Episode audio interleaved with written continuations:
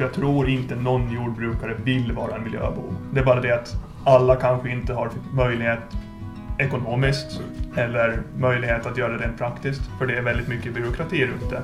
Ska man göra det bara lättare för odlaren att kunna göra det med hjälp av stöd och med hjälp av mycket, mycket konkretare saker man kan tänkas göra så skulle jag, jag tror det skulle bli en ökning på våtmarker, eller på just filter. Eh, jag heter Harry Söderberg. Odlar bär i Ämnes. Eh, har 50 års e- erfarenhet av det och, och kanske fortsätter ett tag till. Och jag är Oskar Sandén, eh, ägare och driver Åttböle gård. Och där odlar vi bär och frukt med första fokus på blåbär, jordgubbar och päron. Välkomna eh, till Vattenpodden, Oskar och Harry. Tackar, tackar. Mm, tack.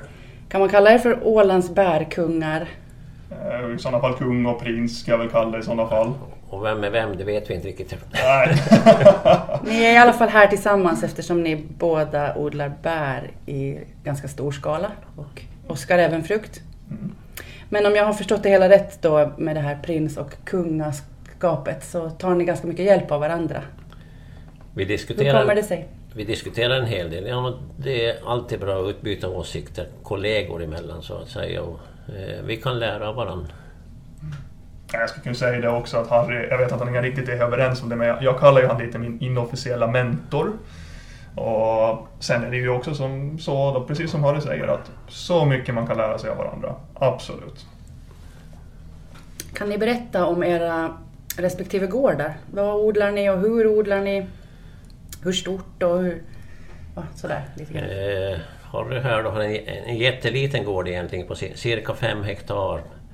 Och vi odlar enbart bär nu. Eh, vi odlar i växthus, vi odlar i tunnlar, vi odlar på friland. Det är jordgubbar främst, det är hallon eh, och också vinbär. Va? Eh, och vi försöker köra en ganska lång odlingssäsong med olika odlingstekniker, olika sorter. Eh, ja, det, det är bären som är vår huvud, huvudgröda och väldigt mycket olika tekniker och tankegångar. Ja, för vår del är det ju också jordgubbar är en stor del, tidigare också hallon var en stor del och det kommer bli det igen någon dag. Men sen är nog vår största gröda är buskblåbär. Och där är det ju frilandsodling, nu test på tunnelodling. Alla jordgubbar i tunnel, det glömde jag säga. Och sen har vi också päron på cirka 5 hektar. Så totalt sett odlar vi på ungefär 8 hektar areal som är aktivt frukt och bärodling. Man får ju säga att bärodlingen är ju ständigt växande på Åland och ni pratar själva om det också, att ni har behov av mer hektar och fler händer och några fler timmar per dygn. Hur mycket finns det och hur mycket behövs det? Eh, det, fin- det finns väl cirka 10-12 hektar bärodling. Eh, skulle kunna finnas lite utrymme till för eh, att ta bort de här importbären om vi säger så. Eh, sen har odlingsresultaten ökat ganska mycket så det fyller på marknaden hela tiden. Vi odlar jättelång säsong och vi odlar förhoppningsvis bättre och får högre skördar. Eh, så det finns utvecklingsmöjligheter Eh, men eh, det måste också finnas marknadsutrymme om man ska öka ut. Ja. Jo, det där är nog, det är nog helt, det håller jag nog helt med om att det, det finns säkert utrymme på ett eller annat plan, men samtidigt, vi befintliga odlare, så på samma arealer får vi nästan högre skördar. Bara på grund av att vi helt enkelt odlar bättre och mer effektivt. Så man måste inte nödvändigtvis ha fler hektar utan man kan också effektivisera sin odling helt enkelt. Eh, vi har jobbat i många år med... Jag, har- jag har sagt så här att det enda jag behöver göra är att bli duktigare på att odla. Vi kan, vi kan hålla samma arealer men vi kan, vi kan eh, öka skörderesultatet. Vi kan, vi kan förläng, förlänga säsongen mycket, mycket vad tänker jag säga och, och öka på det sättet istället för att ha en massa arealer som, som har lite för låg produktion. Va? Eh, Eh, Marknaden har ju också utvecklats jättemycket. Att förut odlade man ju bär bara och käkade dem i juli ungefär. va, Men, men nu ska det finnas bär nästan så året runt. Och tyvärr så måste det komma en del importbär för det finns ju inte möjlighet att odla här på vintern. Men vi kan ändå ha ganska lång säsong som vi odlar bär här. Mm. Ja, ja men absolut. Och det är samma sak på just min specialitet blåbär. Det märker man att buskblåbären har exploderat de senaste tio åren. Och det är ju mest importbär just nu. Och vi vill ju verkligen med rätt teknik och i framtiden ha längre säsong. Och ha en, men på samma arealer liksom, utan att försöka sprida ut sig mera helt i onödan. Till exempel tunnelodling är ju någonting som i bären har blivit det är ju revolutionerande om du frågar mig. Absolut, det, det gör det så mycket lättare och bättre. Vad är det med bär hörni? Varför finns det här enorma suget? Mm. Ja, men vad ska jag säga, det, det är en trend, trendgrej tänker jag säga. Och man ska käka bättre, man ska käka nyttigare och det, det är allt möjligt. Det är vackra färger på det, det, det är vackert när man... Ja, det, är ju, det är ju som du säger, det finns ju inga nackdelar. Det smakar gott, de är nyttiga, de är vackra. Det är bara fördelar. Så, så, och, och eh, Eh, en vegetativ produkt då tänker jag säga som också är trend så att säga. Man ska äta mera, mera eh, växter än, än kanske kött. Ja, det är viktigt att vi får äta bär och äta annat, men det är ganska viktigt att vi också kan dricka vatten. Ni eh, odlar bägge in vid vattendrag som enligt undersökningar faktiskt är påverkade av övergödning. Vad, eh, Harry odlar in vid lumparn, eller? Mm, Säger ja, man så? Ja, en, en, vik En vik. Till, en vik till lumparn. Så, så. Och eh, Oskar, du odlar till och med vid ett vattenskyddsområde, Ja, korrekt. Marcusböllefjärden. Ja. Hur tänker ni kring det här?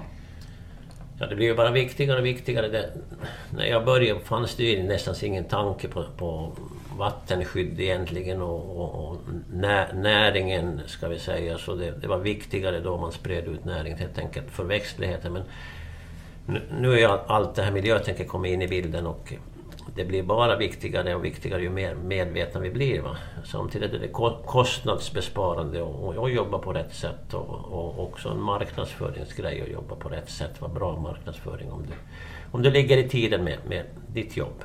Folk vill ha dina produkter mer menar du om Ja, ja. du kan Så, så, så menar jag. använda miljösmarta argument? Och, om, om vi lägger oss i tiden och kanske lite kant på tidens utveckling så, så har vi bra marknadsföringsargument. Mm. Ja, jag håller med fullständigt. Eh, vi, som jag berättade för Harry här för ett tag sedan att förr pratade man mycket om åkerareal. Man sänkte vattendrag, man brydde sig inte så mycket om vatten utan man vill ha åker. Vi pratar om krigstider här, när det var brist på mat. Idag har det ju helt vänt. Utan vattnet är ju det viktiga. Och det märks ju tydligt nu också på vår, där inom vårt vattenskyddsområde hur nya vattenlagar kommer in.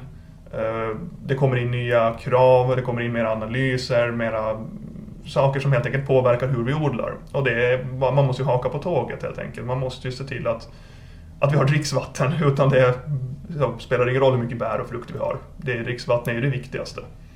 Men när det kommer nya krav och lagar så här, är det så att man ändå kan i sitt hjärta finna någon form av förståelse för det? Eller känns det mest som att ah, Ja, absolut. Alltså jag, jag är helt för lagarna. Alltså det, jag, jag tycker inte att det är ett problem. Och jag känner inte generellt att det är ett jättestort problem bland odlarkåren. också, Utan det är det att vi måste bara lära oss att anpassa oss. Och jag skulle inte säga att, att va, vi bara följer med och vi förstår ju var tankegången kommer ifrån. Absolut. Harry, du eh, håller på med en våtmark precis Ja. i detta nu.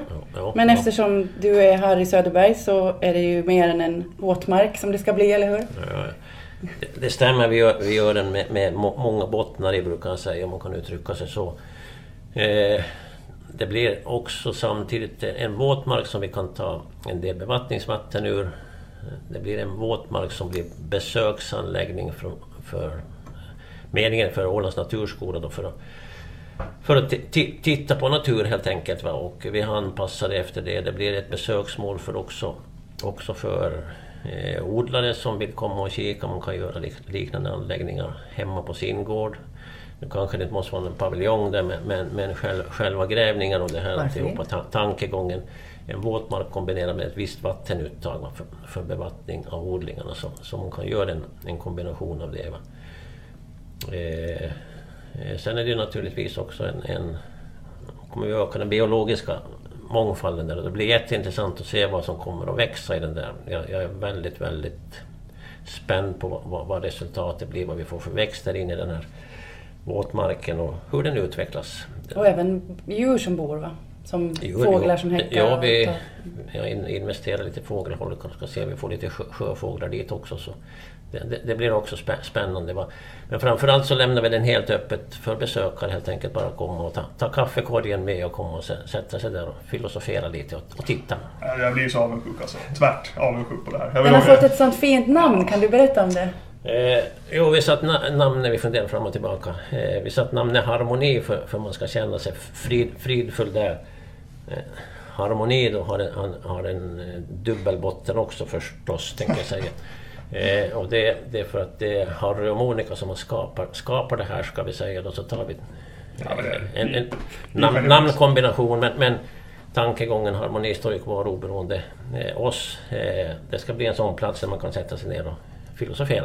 Ja, men alltså, det där är genialiskt. Vi kan lika bra avsluta det här nu. Det, är inget, det finns inget att fortsätta på. Det där var ju det bästa jag hört Du får hittills. försöka se det som inspiration, Oskar. Ja, alltså det är ju det jag tänkte just komma till det. Att är ganska lustigt just att du nämner inspiration, för jag har redan blivit inspirerad av den. Jag har liknande planer. Kanske inte så vackert och fint, men också den, just den här praktiska delen ur den har jag verkligen sett för. Sitta och titta ordentligt på. Hur har ni anlagt den här våtmarken, om vi backar tillbaka till den lite grann? Eh. Alltså, det är grävskopa och... Ja, ja, alltså den ligger väldigt bra in i terrängen. Att den, den har ett naturligt fall. Eh, Sträckan är ungefär 120-130 meter lång sträcka. Och den har ett naturligt fall på 1,7 meter ungefär. Så det enda vi behövde göra var att, att förflytta eh, material från mitten på den och fylla kanterna helt enkelt. Va? Eh, så vi använde, återanvände allt material. Samtidigt i botten så fanns det eh, lera som vi kan täta slänterna med så att säga på insidan. Så allt är naturmaterial. Vi har använt befintligt material och bara plana ut det helt enkelt. Det är en förflyttning av några tusen kubikmeter material som vi har gjort.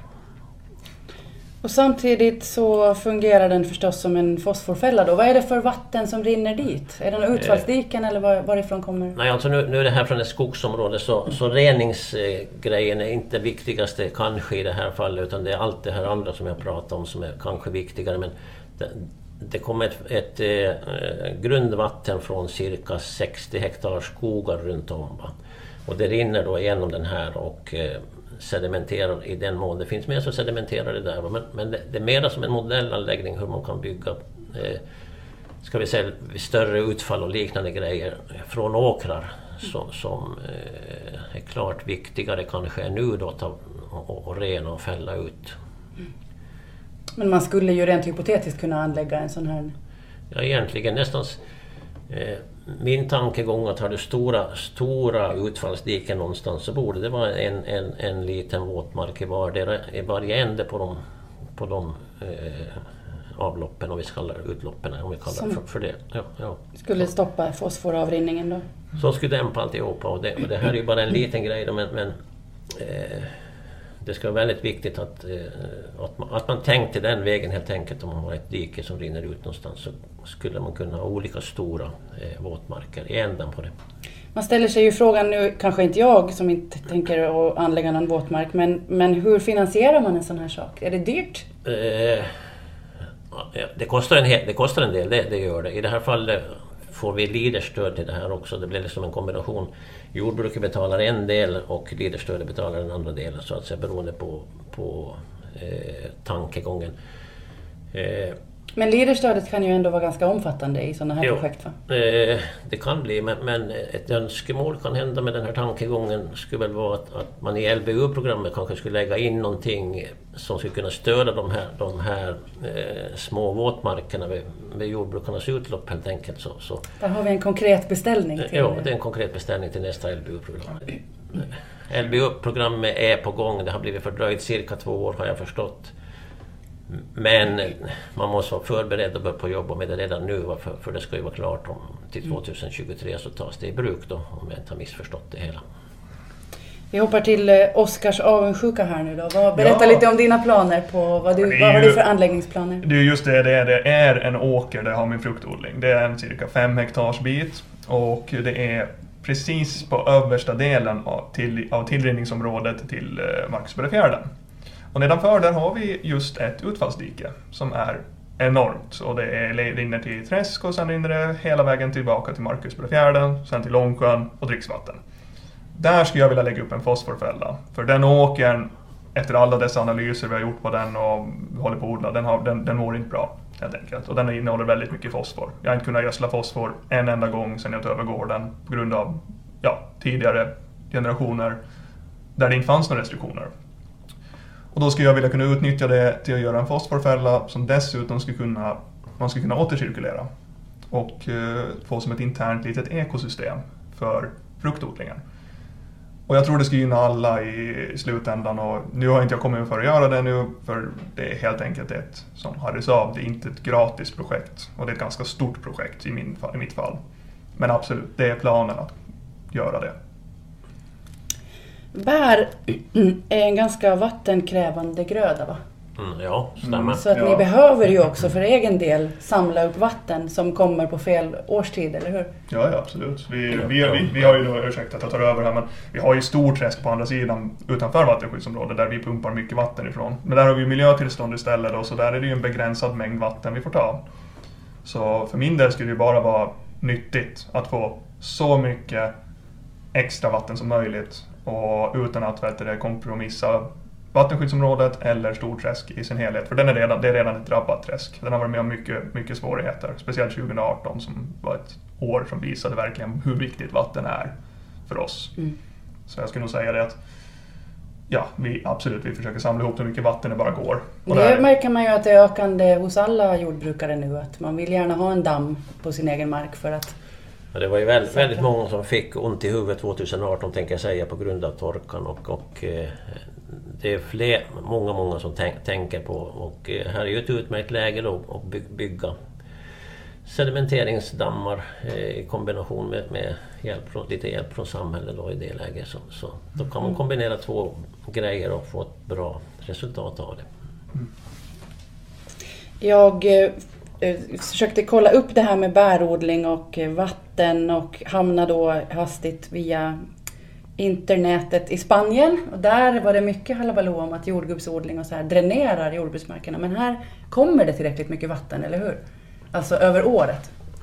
Jo, jo här, här räcker vattnet till bara vi har förmågan att ta vara på det helt enkelt. Va? Alltså, eh, där vi bygger vår våtmarkdamm nu så passerar det kanske just nu 1000 kubik per dygn va, som rinner rakt ut i, i sjön. Och kan, kan vi då använda det, eh, en, del, en liten, liten, liten del av det så, så eh, är det ju bra. Och det ska finnas eh, mer vatten än vi kan ta vara på där, där vi jobbar just nu. Va? Eh, annars stämmer det att, att, att eh, i, eh, stora odlingsdistrikt så, så sjunker grundvattennivån. De är ibland ner på 40 meter och, och hämtar vatten bara för det används fruktansvärda mängder vatten i de här odlingarna när det är så koncentrerat. Till exempel i Spanien. Eh, men här finns nog vatten bara vi, har, bara vi tar vara på det och, och jobbar på rätt sätt. Och, och vatten är en absolut viktig ingrediens. Om du vill få resultat så måste du jobba med vatten i odlingen. va. Ni jobbar med era plantor i ett år i många fall, eller? Mm, Hur är det med eh, buskblåbären? Det är. Buskblåbären, våra äldsta, är 25, 20 år gamla. Mm. Och de jag planterar nu, i eh, 2020 planterar vi ungefär en hektar. Och det blev väl en 3000 plantor. Där, de ska räkna jag med att ha förhoppningsvis hela livet, om allt går bra. Men däremot jordgubbar jobbar jag med ettåriga plantor. Och Och hallon, hallon. hallonen var också ettåriga plantor. Och ska jag dra anledningen till det Harry? Det drar på det bara. Ja, jag drar på ja. Nej, det grejen är den att vi, vi har ju haft rotröta i marken där vi har odlat hallon. Och eftersom att vi odlar hallon i tunnel, vi odlade dem i mark första året. Och det funkade jättebra. Men sen när rotrötan kom så stannar den i marken. Och den stannar, ja, de säger upp till 100 år, vissa säger för evigt. Svårt att säga. Och då, är det enda, då finns det egentligen två alternativ man kan göra och det är att man antingen flyttar tunnlarna och börjar på nytt och odlar två, tre år och sen får man rotröta igen. Eller så börjar du odla i krukor. Och det är ju det egentligen det rimligaste sättet att odla i krukor, samma tunnlar. Och då, för då begränsar du risken med smitta och du får en ganska effektiv odling. Och dessutom när vi kommer till vatten så är det nog, upplever jag, mera effektivt att odla i kruka, både med näring och vatten, än vad det är att odla i mark. För det är mindre som lakas ur i längden. Vi hade samma problem med röd rotröta på hallonen så, så vi hade alternativ att, att sluta eller, eller eh, ställa om odlingen helt enkelt. Och vi gick in för att odla i, i krukor, i växthus och tunnlar. Och, och det var som vi ser ett jättebra drag med, med, med tanke på att odla på en liten areal och öka skördarna helt enkelt. Men det blir ju alltid, alltid noggrannare med, med näring och vattning och allt det här och vi håller bättre koll på det på det sättet också. Hur tar man vara på kasserade plantor? Alltså de som ni är färdiga med, som har gjort sitt för året. Det är ju egentligen också näring i bladmassan och i rotmassan och det här. Vad gör man med dem? Alltså det vi gör, det är att vi har en grop som är utanför vattenskyddsområdet, bara för att vi vill inte ha det där. Och där har vi då en liten komposthög. Och där vi komposterar då substratet i kombination med plantmaterialet. Och i längden hoppas på, nu har faktiskt mina första som jag började med för fem år sedan, har jag varit och tittat på och de börjar faktiskt bryta ner ganska rejält. Och, men jag räknar med ett par år till så har jag fullt funktionell kompost taget därifrån och det är ju näringen jag kan återanvända till sitt sätt. Eh, för vår del så lägger vi ut allt det här överblivna materialet direkt, direkt på, på en åker som inte planterar på det året helt enkelt och myllar ner det. Det får bli jordför, jordförbättring. Vi kanske tar en liten större risk med sjukdomar men, men eh, vi har använt den metoden och vi tycker det fungerar. Vi tar tillvara allt material som eh, myllas ner i jorden. Mm.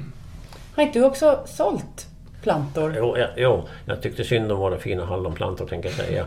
Så någon annan kunde, kunde fortsätta odla och eh, då här senaste höst så gjorde vi så att vi, vi, det som vi hade skördat på ett år då skulle kasseras så att säga till komposten. Så klippte vi bort de skott som har producerat och så sålde vi roten med, med eh, roten helt enkelt som ska producera kanske upp till 10 år hos kunderna då istället. Så vi, vi sålde en del hallonplantor här hemma och alla, alla såg jätteglada ut när de kom och hämtade. Ja. Ehm, det här är ju förstås så som ni säger att ni sparar ju också på näringen när mm. ni odlar mer kontrollerat. Mm. Och ingen vill ju bli av med näring egentligen. Vad är det för näring som bärplantor behöver? Det är ju förstås det vanliga, men är det något särskilt som man behöver använda just för att det är bär? Eller hur ser eh, sammansättningen ut? Ska säga så här, totalt sett så kräver bärodlingen kanske lite mindre men som vi jobbar nu då så ger vi små doser under en lång, lång tid istället för, för som tidigare att man kastade ut allt på våren och så, sen gick man hem ifrån åkern. Men nu jobbar vi konstant med näringstillförsel och jag brukar ofta jämföra med människan att, att eh, vi ska ju äta lite hela tiden och smått och lagom mycket hela tiden och det, det är precis så man gör åt växter också. Va? Eh, fortsätt. Ja, alltså det är som, precis som Harry, vi båda använder oss av någon typ av gödsel Och bevattningsautomatik. Och vi båda använder ju oss av våra egna kompositioner av gödsel. Och det är nog ganska mycket varierande på vilken typ av kvalitet på vatten du har, eh, hur du har dina odlingar upplagda, har du dem i substrat, jord, vilken sorts planta du har, hur stora de är. Det är mycket som varierar, så det finns egentligen inget recept för det, utan mycket går ju på, i mitt fall, på analyser. Och, eh, och sen går det nog mycket på att jag Eh, går efter ett grundrecept och sen försöker jag min, anpassa det enligt mina behov. Jag kan till, tillägga det då att man anpassar efter vilket stadie växten är eh, helt enkelt också. Det är ett tillväxtstadium där eh, kvävegivan är något högre och sen kastar man om när de kommer in i skördestadiet kartstadie, skördestadie så, så används mer kali. Va? Ja, det är mycket för smak och man anpassar eh, var plantan ligger i säsong så att säga. Och, vi kör, jag kör mycket, mycket på erfarenhet, tänker jag säga. Eh, jag jobbar med analyser tidigare men, men nu smakar jag och tittar och mycket sådana här grejer. Så det har jag programmerat in efter så här pass många år. Att jag, och, och jag brukar säga att jag känner på mig när jag ligger på natten och i sängen så känner jag på mig nu skulle de behöva lite mer näring där imorgon. Så det, det, det, vet jag utan att någon säger det åt mig så att säga. Eller kanske lite mindre. Men det, det, det är inprogrammerat i mitt huvud på något sätt. Menar du du hade det att om 45 år ungefär då kanske jag kan göra samma sak? Ja. Jobbar ni alls med växtskydd eller har ni helt lagt av med sånt eller hur fungerar det här? Åh gud, det finns mycket att gå igenom här. det, det här kan vi diskutera ganska mycket för eh, både Oskar och jag har lite udda, vi är lite udda gentemot det traditionella så att säga. Så det finns ju mycket hot, det är inte frågan om det, men samtidigt har vi faktiskt lämnat bort bekämpningen helt och hållet på bärsidan i ja. varje fall. Ja. ja, Eh, och för vår del hade det varit fantastiskt. Vi åker väl på någon smäll varje år men, men jag räknar med att, att eh, kostnaden och, och slitaget på personen för att utföra de bekämpningarna så, så betalas av... Vi kan få något lägre skörd på vissa rutor, det får vi helt säkert. Va? Men, men, men ekonomiskt och, och livskvalitetsmässigt så är det här en, en mycket bra Det är bra tanke, för magkänslan. Eh, ja, och hälsan överlag. Ja, ja, ja. Slippa det stressmomentet när man ska ut med sprutan. Så, så fort man ser en liten insekt ska man ut med sprutan och skapa kanske en obalans istället. Så, så, så, det har vi lämnat för vår del sedan 30 år tillbaka ungefär, va? till och med drygt det. Jag, vilka är hoten? Vad är det för eh, odjur? Oj, gud. Eh, när det kommer till tunneln så är nog det största hotet ju växthusspinnkvalster. Alltså på hallon, jordgubbar, blåbär också till och med. Och sen är det bladlöss, loppor av olika sorter. Det finns många, många, många, många sorter av dem. Sen har vi ju eh, i hallon har vi hallonänger. Som är en, det är den här klassiska maskihallonen. Det är typ av bagge som lägger en larv. Som är, den är ganska jobbig och den går inte att bespruta. Den, kan man inga, den ska man inga bespruta heller för den är, den baggarna är jätte, jättesvåra att bekämpa. Sen finns det smultronlövbagge som jag vet att på hösthallon, blåbär, brukar vara ganska klös och jobbig. Den, eh, den, är, ganska, den, är, den är också en knepig, det är också en bagge. Eh, vad har jag glömt nu? Det finns... Ja, om vi går in på den här eh, växtsjukdomssidan så Ja. mjö, mjöldaggen till exempel och gråmögel. Mjöldaggen är problematisk nog eh, i, i växthus och tunnlar också. Något mer på friland till och med. Men, men det är mycket, mycket odlingsteknik som ligger bakom det. Tankegångar eh, hur man jobbar istället. Va? Odlar du i tunnlar så är gråmögel i praktiken, den risken är borta. Va? Där, där. Men, men eh, ute så är det en gödslingsfråga, det är beståndsfråga, det är sortfrågor, det, det är mycket, mycket... Alltså det, det är ingenting enkelt, men det är det som är det roliga med den odlingen, att det är en konstant utmaning hela tiden. Va? Och man ska lära sig hela tiden nya grejer. Va? Men all, all, alla de här aspekterna, liksom en kombination och får det ett resultat sen så... Eh, då, känn, då mår man ju bra helt enkelt. Ja, vi får väl gå in lite på de här bekämpningsmetoderna vi använder, de alternativa. Det vi, det vi båda använder oss är ju, är ju att vi använder oss av biologisk bekämpning. Alltså till exempel om man har växthusspinnkvalster så finns det olika typer av andra kvalster som angriper växthusspinnkvalstren och de kan man då sprida ut i tunnelklimat. Jag vet- Snälla kvalster mot dumma Ja, kvalster. ja men Ja, ja. ganska exakt så. Ja. Man har Ja. kompiskvalster mot de dumma. Ja. Och sen eh, som jag har använt alla möjliga roliga testmetoder. Ja, vi, an- vi vet att vi båda använder oss av feromoner och limfällor har vi väl använt tror jag det också. Jag har inte använt limfällor, nej. Men, Ja. men, men eh, feromoner som avskräckning mot bladlust till exempel i växthus, så det funkar, funkar jättebra. Ja men precis. Ja, Ja, för jag har använt just, vi använder mot trips. Det glömde vi nämna om jordgubbs. Så det, det, det är också en problem. Och där har vi feromonklisterfällor. Funkat jättebra. Det, Klimatförändringar för er och att det blir varmare och torrare. På vilket sätt påverkar det er nu och hur förbereder ni er för att det ska bli ännu mer annorlunda? Mm, Ja, det här är en lite knepigare fråga tänker jag säga. För den är, det är en långsam grej om man ser på statistik också. Det händer ju inte liksom över ett år heller utan det är, en, det är en långsam, tydligen pågående trend tänker jag säga.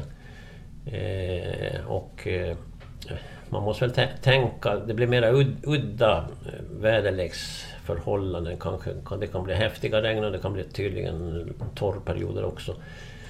Och då är det ju till exempel med vatten, och vi är inne på vatten här, så då är det ju bra för att vara förberedd att ha, ha en vattengrop, tänker jag säga, och ta lite mera ur. Eh, vatten är absolut det viktigaste eh, ingrediensen i en odling. Eh, den är viktigare än vad många tror, va? att, att eh, vatten ska behöva användas mera i odlingarna. Sen är det svårt att, skydda sig mot regn då förstås. Eh, om det skulle bli väldigt våldsamma regnperioder. Men det får vi se. Eh, temperaturen gör att det växer bättre än egentligen Faktum är också att mycket koldioxid gör att det växer bättre. Bara växterna är friska och kan eh, jobba som en maskin om vi säger så. Då. Och då måste alla förhållanden stämma, näring, vatten alltihopa. Då kan levande växter ta upp en hel del koldioxid också.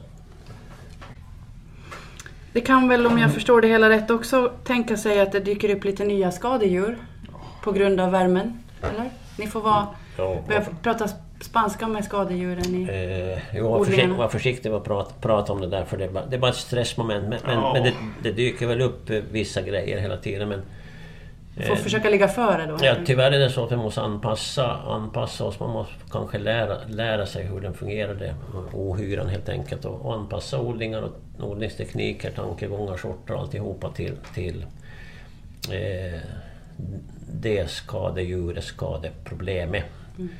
Eh, sa, samtidigt så brukar det kan blomma... Det visar sig, till exempel, jag brukar ta mördarsniglarna som exempel, tänker jag säga att de exploderar när de kommer, de har inga naturliga fiender. Men sen sakta mak blir det en naturlig balans också och det är ofta som med nya sjukdomar. Eh, in, innan sjukdomen, insekterna, fått en naturlig fiende här så kan det vara ett väldigt problem. Men sakta mak så jämnar det ut sig igen. Va? Så, så, och vi måste hela tiden försöka anpassa oss tankemässigt till problemet. Någon kommer börja äta den här Jo, jo, insekten det, som det, sen kommer... det är just det där biologiska, tänker jag säga, må- mångfalden. Naturen rättar till sig själv, bara den får vara i fred rätt mycket. Va? Jo. Ja, ibland är vi inne och stör den lite för mycket och skapar problem istället. Va? Ja men precis, och det är, om jag bara får lägga in där att vi har ju en på blåbärssidan som är väldigt konkret och det är ju Suzuki Drosophila. Och det är en typ av bananfluga kan man kalla det, som angriper, istället för att angripa rutten frukt eller död frukt, så angriper den kart och lägger sina ägg i kartorna. Väldigt vanligt på blåbär, hösthallon, till och med plommon vet jag att det var angrepp på. Och där, det, det är någonting som man upplever, man märker det mera söderut, att det blir bara ett större och större och större problem. Det finns ju säkert lösningar på det inom bekämpningsmedelsvärlden men jag tänker ju då personligen att, att det man måste börja tänka är hur kan man mekaniskt eller biologiskt bekämpa den här utan att påverka naturen helt enkelt. Så Att den, med tiden kommer det nog bli bara en del av vardagen. Även om det kommer något nytt så blir det en del. Det är mycket prat om precisionsodling nu och, och teknologi som, som hjälp för er och eh, i viss mån använder ni det förstås med bevattningsteknik och så vidare. Men, men man håller på med mycket bladanalys och markkartering och så här. Är ni inne på de här metoderna? Är det någonting som funkar redan eller? Jag kan väl svara på det. För, för, för vår del så använder vi inte så mycket analyser numera. Jag håller på, som jag sa tidigare, rätt mycket med det här förut. Och, och har väl fått en viss erfarenhet helt enkelt. Eh, det, det, är ingen idé att gödsla för mycket och, och heller inte för lite. Jag, jag jämför fortfarande med människan, tänker jag säga. Att eh, sitter och eh, äter, äter för mycket så blir du bara fet och lat. Och, eh, får du laga mycket mat så, så mår du bra. Ja, ja, ja, så, eh, det är en väldigt bra jämförelse. Du ska ha mat konstant hela tiden och, och, och i, i rätt mängd. Va? Så vi, nu ser jag, för, för vår del så ser jag mera på växterna, hur de mår och sådana här saker. Va? Och så anpassar vi gödningen efter det. Ja, till skillnad från Harry då så har inte jag den här 50-åriga erfarenheten så jag måste gå till bladanalyser. Och markanalyser och restvattenanalyser. Eller jag har inte använt så mycket sånt. Men, men ja, vi använder oss av markkarteringar i första hand. Och den är våran, alltid vår grundläggande faktor när vi går in vad vi ska göra vidare. Det här är då permanentodlingarna, inga substratodlingarna. För där måste man ju helt enkelt utgå vad substratet innehåller. Och sen måste man veta lite ungefär vad man ska lägga till och sen börjar man med bladanalyser i ett ganska tidigt skede när man börjar få fullvuxna blad på plantan. Eh, det är ju en väldigt bra modell och jag skulle nog säga att många använder den redan. I, speciellt inom fruktodlingen är jag ganska övertygad om att många använder den här metoden. Jag vet inte 100% men jag tror nog att det är ganska populärt. För det är ju bara nyttigt att, att kunna minska sin användning av gödsel. Det är bra för övergödningen, att man inte förstör vattendrag. Det är bra för ekonomin. Det är bra för typ, klimatet, mindre tillverkning av konstgödsel. Det finns liksom bara win-win-win med att göra dessa typer av analyser. Eller ha, liksom begränsa sin användning av det. Jo, man måste komma ihåg att växten ska ha laga mycket mat och rätt mat hela, hela tiden. Va? Ja, men precis. För, för att kunna producera. Ja, absolut. absolut. Och det är, allt, svinn allt svinn det blir så kommer ju bara fara rakt igenom den. Och det är någonting som jag hade diskuterat tidigare här om det här med rätt tidpunkt också, det här med när det blir varmt. Och vad som händer med växten när det blir varmt. Och där måste man ju också tänka på det att man kan inte tillföra hur mycket gödsel som helst och näring som helst när det är riktigt varmt för plantan, så som människan, svettas. Ja, och eh, när man svettas och har, har lite för varmt så, så äter man inte så mycket heller. Och, och det betyder det att man kan minska näringsgivorna, kanske bara till rent vatten periodvis, även till växterna. Eller mycket, mycket svagare doser. Och det här gäller den här finlire i, i tunnlar och växthus framförallt. Då för i, I marken ute så finns det ett näringsförråd normalt hela tiden. Va? Eh, och växten väljer mer att ta, ta upp vad den behöver där. Men, men, men där vi styr det mera så blir vattnet viktigare ju varmare det blir, att, att de får ta upp och kyla ner sig. Det är lite som att ha små husdjur. Ja, Ja, ja, ja. verkligen. I tunnlar. Ja, ja, det är ju det. Det är, verkligen, det är verkligen så. Och de kan vara väldigt trotsiga, det kan jag lova. Det finns någon form av krav på jordanalys i fruktodling, eller hur? Mm. Finns det något liknande i bärodling, eller hur ser det ut med, med kraven på vad ni ska göra för analyser? Så ska vi säga så här då. Är du med i miljöstödprogrammet så är det krav på det. Är du inte med där så är kanske kraven inte lika omfattande. Det, det, det är mera hur, hur du gör själv. Eh, där finns krav från, från eh, stödsidan. Eh, vilka analyser du ska göra och hur det ska göras. Och, och gödslingsplaner och alltihopa. Ja, och där är det ju så att det är på, så som frukten, så är det ju samma sak på till exempel blåbären då, permanent. Och det är ju det varannat års analyser, markanalyser. Eh, Så nej, det är nog precis samma som på frukten ska jag säga. På just de typen. Och det är ju, jag är med i miljöstödsprogrammet då. Just det. Och du är inte? Nej, jag är inte med för, för på något vis så vill jag jobba friare. Vi kommer ändå inte upp i de där, om jag tänk- tänker på gödselsidan, de gränser som finns så, så kommer vi ändå inte upp i på, på något sätt utan vi använder totalt sett mindre mängder gödsel än, än vad miljöstödsprogrammet tillåter helt enkelt. Så, eh, då är det bara ett stressmoment till, till, till att hålla på och jobba med det ytterligare. Va? Så, så vi har valt bort det. Du bara odlar du helt enkelt? Jag, jag gillar att Ja, det är odla. drömmen heter det. Jo, alltså jag gillar att odla. Eh, och eh, kanske... Ja, vi, vi försöker ändå vara i framkant tankemässigt så att säga. Att, att, vi, att vi följer det regelverk som sakta dyker upp sen. Och då, då har vi kanske gjort det redan före. Ja, oftast är det ju så att ni har gjort det på förhand. Ja, Före ja, det kommer ja, regler på det. Så är det nog. Om man tänker på vad vi skulle kunna tänka oss se i framtiden då i en odling, alltså att man har någon form av sensorer på bladen eller sensorer på rotsystem eller klorofyllmätningar och sånt här. Alltså klorofyllmätningar, det finns Det ju finns. Jo, Ja. jag menar att mycket av det här finns, men det kanske inte nödvändigtvis är i bruk hos Nej, så alltså många. för till exempel när det kommer till klorofyll, det här råkar vara en grej som jag kollade upp här. Och de mätarna är alldeles för dyra för att börja med som en privatodling. Men däremot till exempel som när det kommer till sensorer i odlingar, det är nog inte jätteomöjligt. Och det är ju till exempel en tensiometer som mäter fukthalten i jordsubstrat, eller mark, odlings, odlingsbädden så att säga. Och det är nog, nog ingenting som är omöjligt att använda sig av. Men när det kommer till storskaliga odlingar blir det ju väldigt knepigt för du har olika marktyper så får du ju olika värden. Jag menar lera håller mera vätska än vad sand gör till exempel. Så det är absolut möjligt, tror jag. Men jag tror det är ett väldigt omfattande och det kommer att ta tid innan det kommer igång på allvar. Nu tror jag nog det mesta handlar om att man måste man måste känna sin mark. Man måste känna vad man odlar. Ja, om vi tittar på växt, växthustekniken tänker jag säga det. Det är kanske mer än 20 år sedan jag skulle bygga en bevattningsanläggning här och då, då sökte jag faktiskt redan då Eh, om man skulle kunna bygga en anläggning med, med, med avkännare, fuktavkännare i marken och, och ha en dator som räknar ut det där helt enkelt vad som skulle bevattnas. Men det fanns ingenting pålitligt då så eh, vi satte mera på tider och manuellt och solintegratorer och grejer. Eh, det kommer... Eh, det finns nu avkännare i marken som, som känner vatten, vattentillgången i marken och vattnar bara när det behövs helt enkelt. Va? Och, och det är ju det absolut bästa om man kan ha en sån anläggning. Men då kommer vi till kär, kärnan i det hela. Det ska finnas vatten, det ska finnas automatik och det ska finnas eh, som styr alltihopa. Och vattentillgången fortfarande är, en av de absolut viktigaste punkterna där. Mm. Jag håller med fullständigt. Absolut. Vad är den vanligaste frågan ni får då? För ni möter ju verkligen era kunder Ja, du- överallt. Så jag ta- är det ju på Åland och du träffar dem. Ja. Jag är ganska säker på att jag kan svara för oss båda. Spruta ner bär. Det är nog vår absolut vanligaste Okej, så fråga. då kan vi slå näven i bordet och slå fast att nej, det gör ni inte. Nej, precis. Men det är ing- ingen som har frågat mig nu på de här mm, 30 senaste åren eh, varför gör du inte det? Nej, faktiskt. Det där är helt... Det där är faktiskt... Det där var bra. Det där var riktigt bra. Nej, frågat, faktiskt. Har, har, du inte besprutade bär? Det är ingen som har frågat efter dem. Nej, fa Nej. faktiskt är det. Var en bra poäng. Det, faktiskt, det kanske var, skulle vara en intressant grej nu om vi går till den där frågan. Att vi har ju fått ett väldigt så här tabu-grej. Man pratar ju om att besprutning är illa, besprutning är bra. Men det skulle vara kul att veta om konsumenten också kunde ta reda på vad som är illa med besprutning och bekämpning. Eh, inte bara det att det inte görs, utan också varför det inte görs.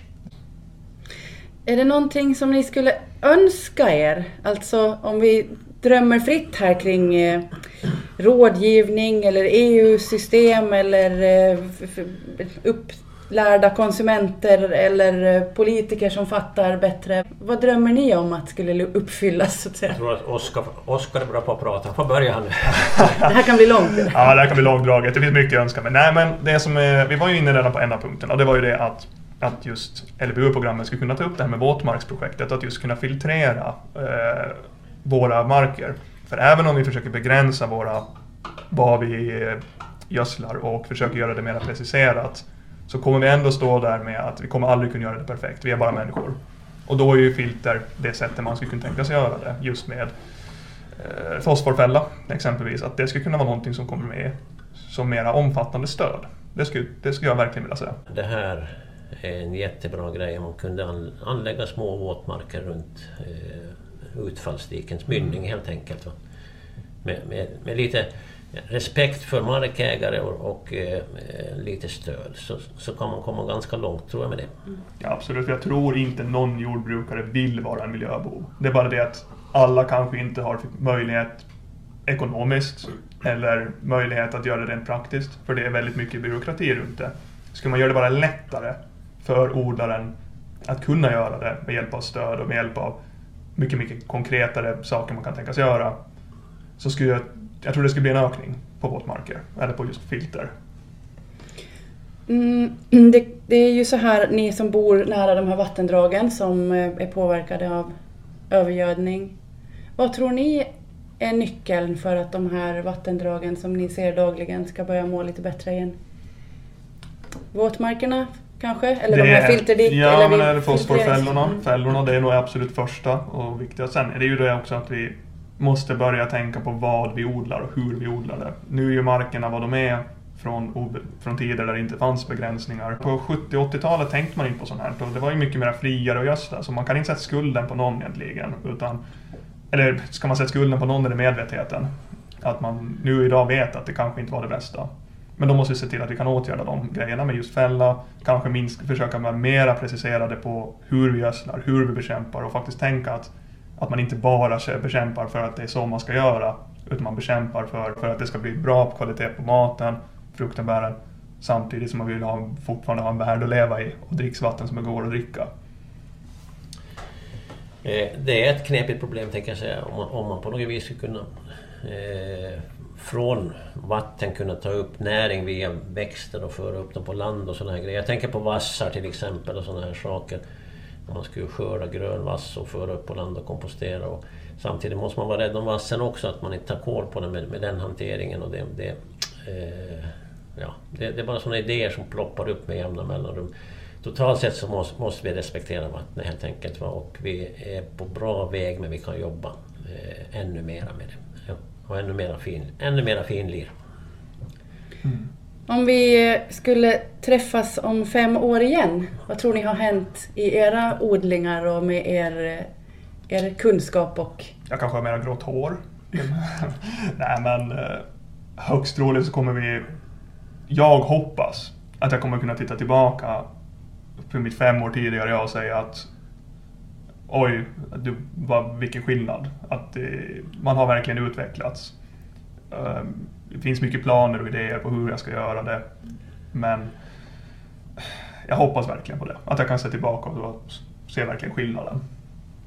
Mm, jag, får, jag har en sån person som det plopp, ploppar upp en massa grejer under, under resans gång hela tiden. Va? Men, men bilden ändrar ju totalt sett i samhället också. Så att eh, det är liksom en process som pågår och, och förhoppningsvis så, så går den åt bättre håll. Med, medvetenheten går åt bättre håll hela tiden. Vi, vi, ska följa, vi ska följa med och vi ska försöka ligga i, i framkant av tankegången och hjälpa till. Och, som vi gör nu, diskutera med varandra och mycket olika idéer och, och eh, den vägen bearbeta det hela och, och eh, det är ju en skuta som, som svänger sakta mak nu, vad det verkar.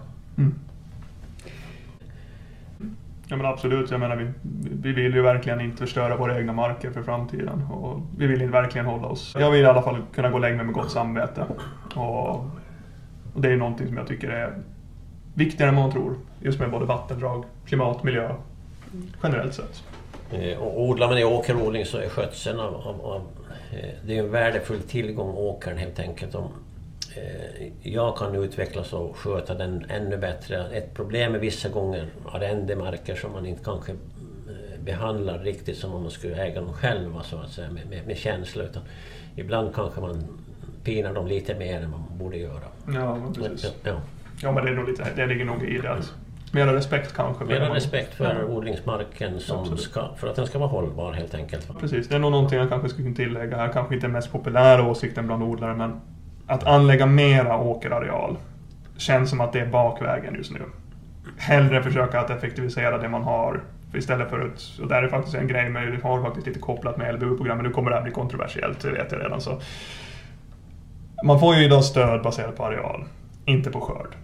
Och det enda det jag upplever att det har gynnat är att det har blivit större åkerarealer, men inte mera. Visst, det har blivit mer skörd, men procentuellt har det inte ökat vad det borde göra. Jag tycker det skulle vara bättre att faktiskt fokusera på mindre arealer och att få ut mera skörd- istället för att nyodla skog. Ja. Mm. Vi är ju på väg in i odlingssäsong här snart får man säga. Just nu är det väldigt snöigt ute men jag tänker att eh, året 2020 har skapat väldigt många nya hemmaodlare vad jag har förstått. Så nu tänkte jag avsluta med att tanka er på proffsens bästa odlingstips för en eh, amatörodlare. Ta, ta det. Eh, första tipset jag ska ge är att var inte för tidig med att plantera på friland. Vill du ha jordgubbar till midsommar kan du köpa av oss. och sen ett annat tips. Tänk på när du vattnar, hur du vattnar. Och tänk på att näring är bra i rätt mängder. Jag ser det väl lite mer ur den filosofiska aspekten. Jag håller på så pass länge att det, det, det är en jättebra grej för folk att hålla på med terapeutiskt och alltihopa. Och man lär sig sakta mak efterhand av misstag och man pratar med varandra. Eh, vad jag kikar på nu är att småskalig grönsaksproduktion ökar ganska mycket på svenska sidan. Och försäljningen direkt till kunder ökar jättemycket också.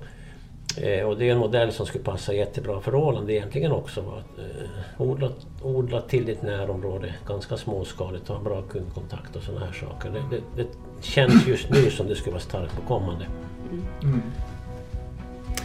Tack hörni för att ni var med i Vattenpodden och pratade om bärodling och vattenskydd.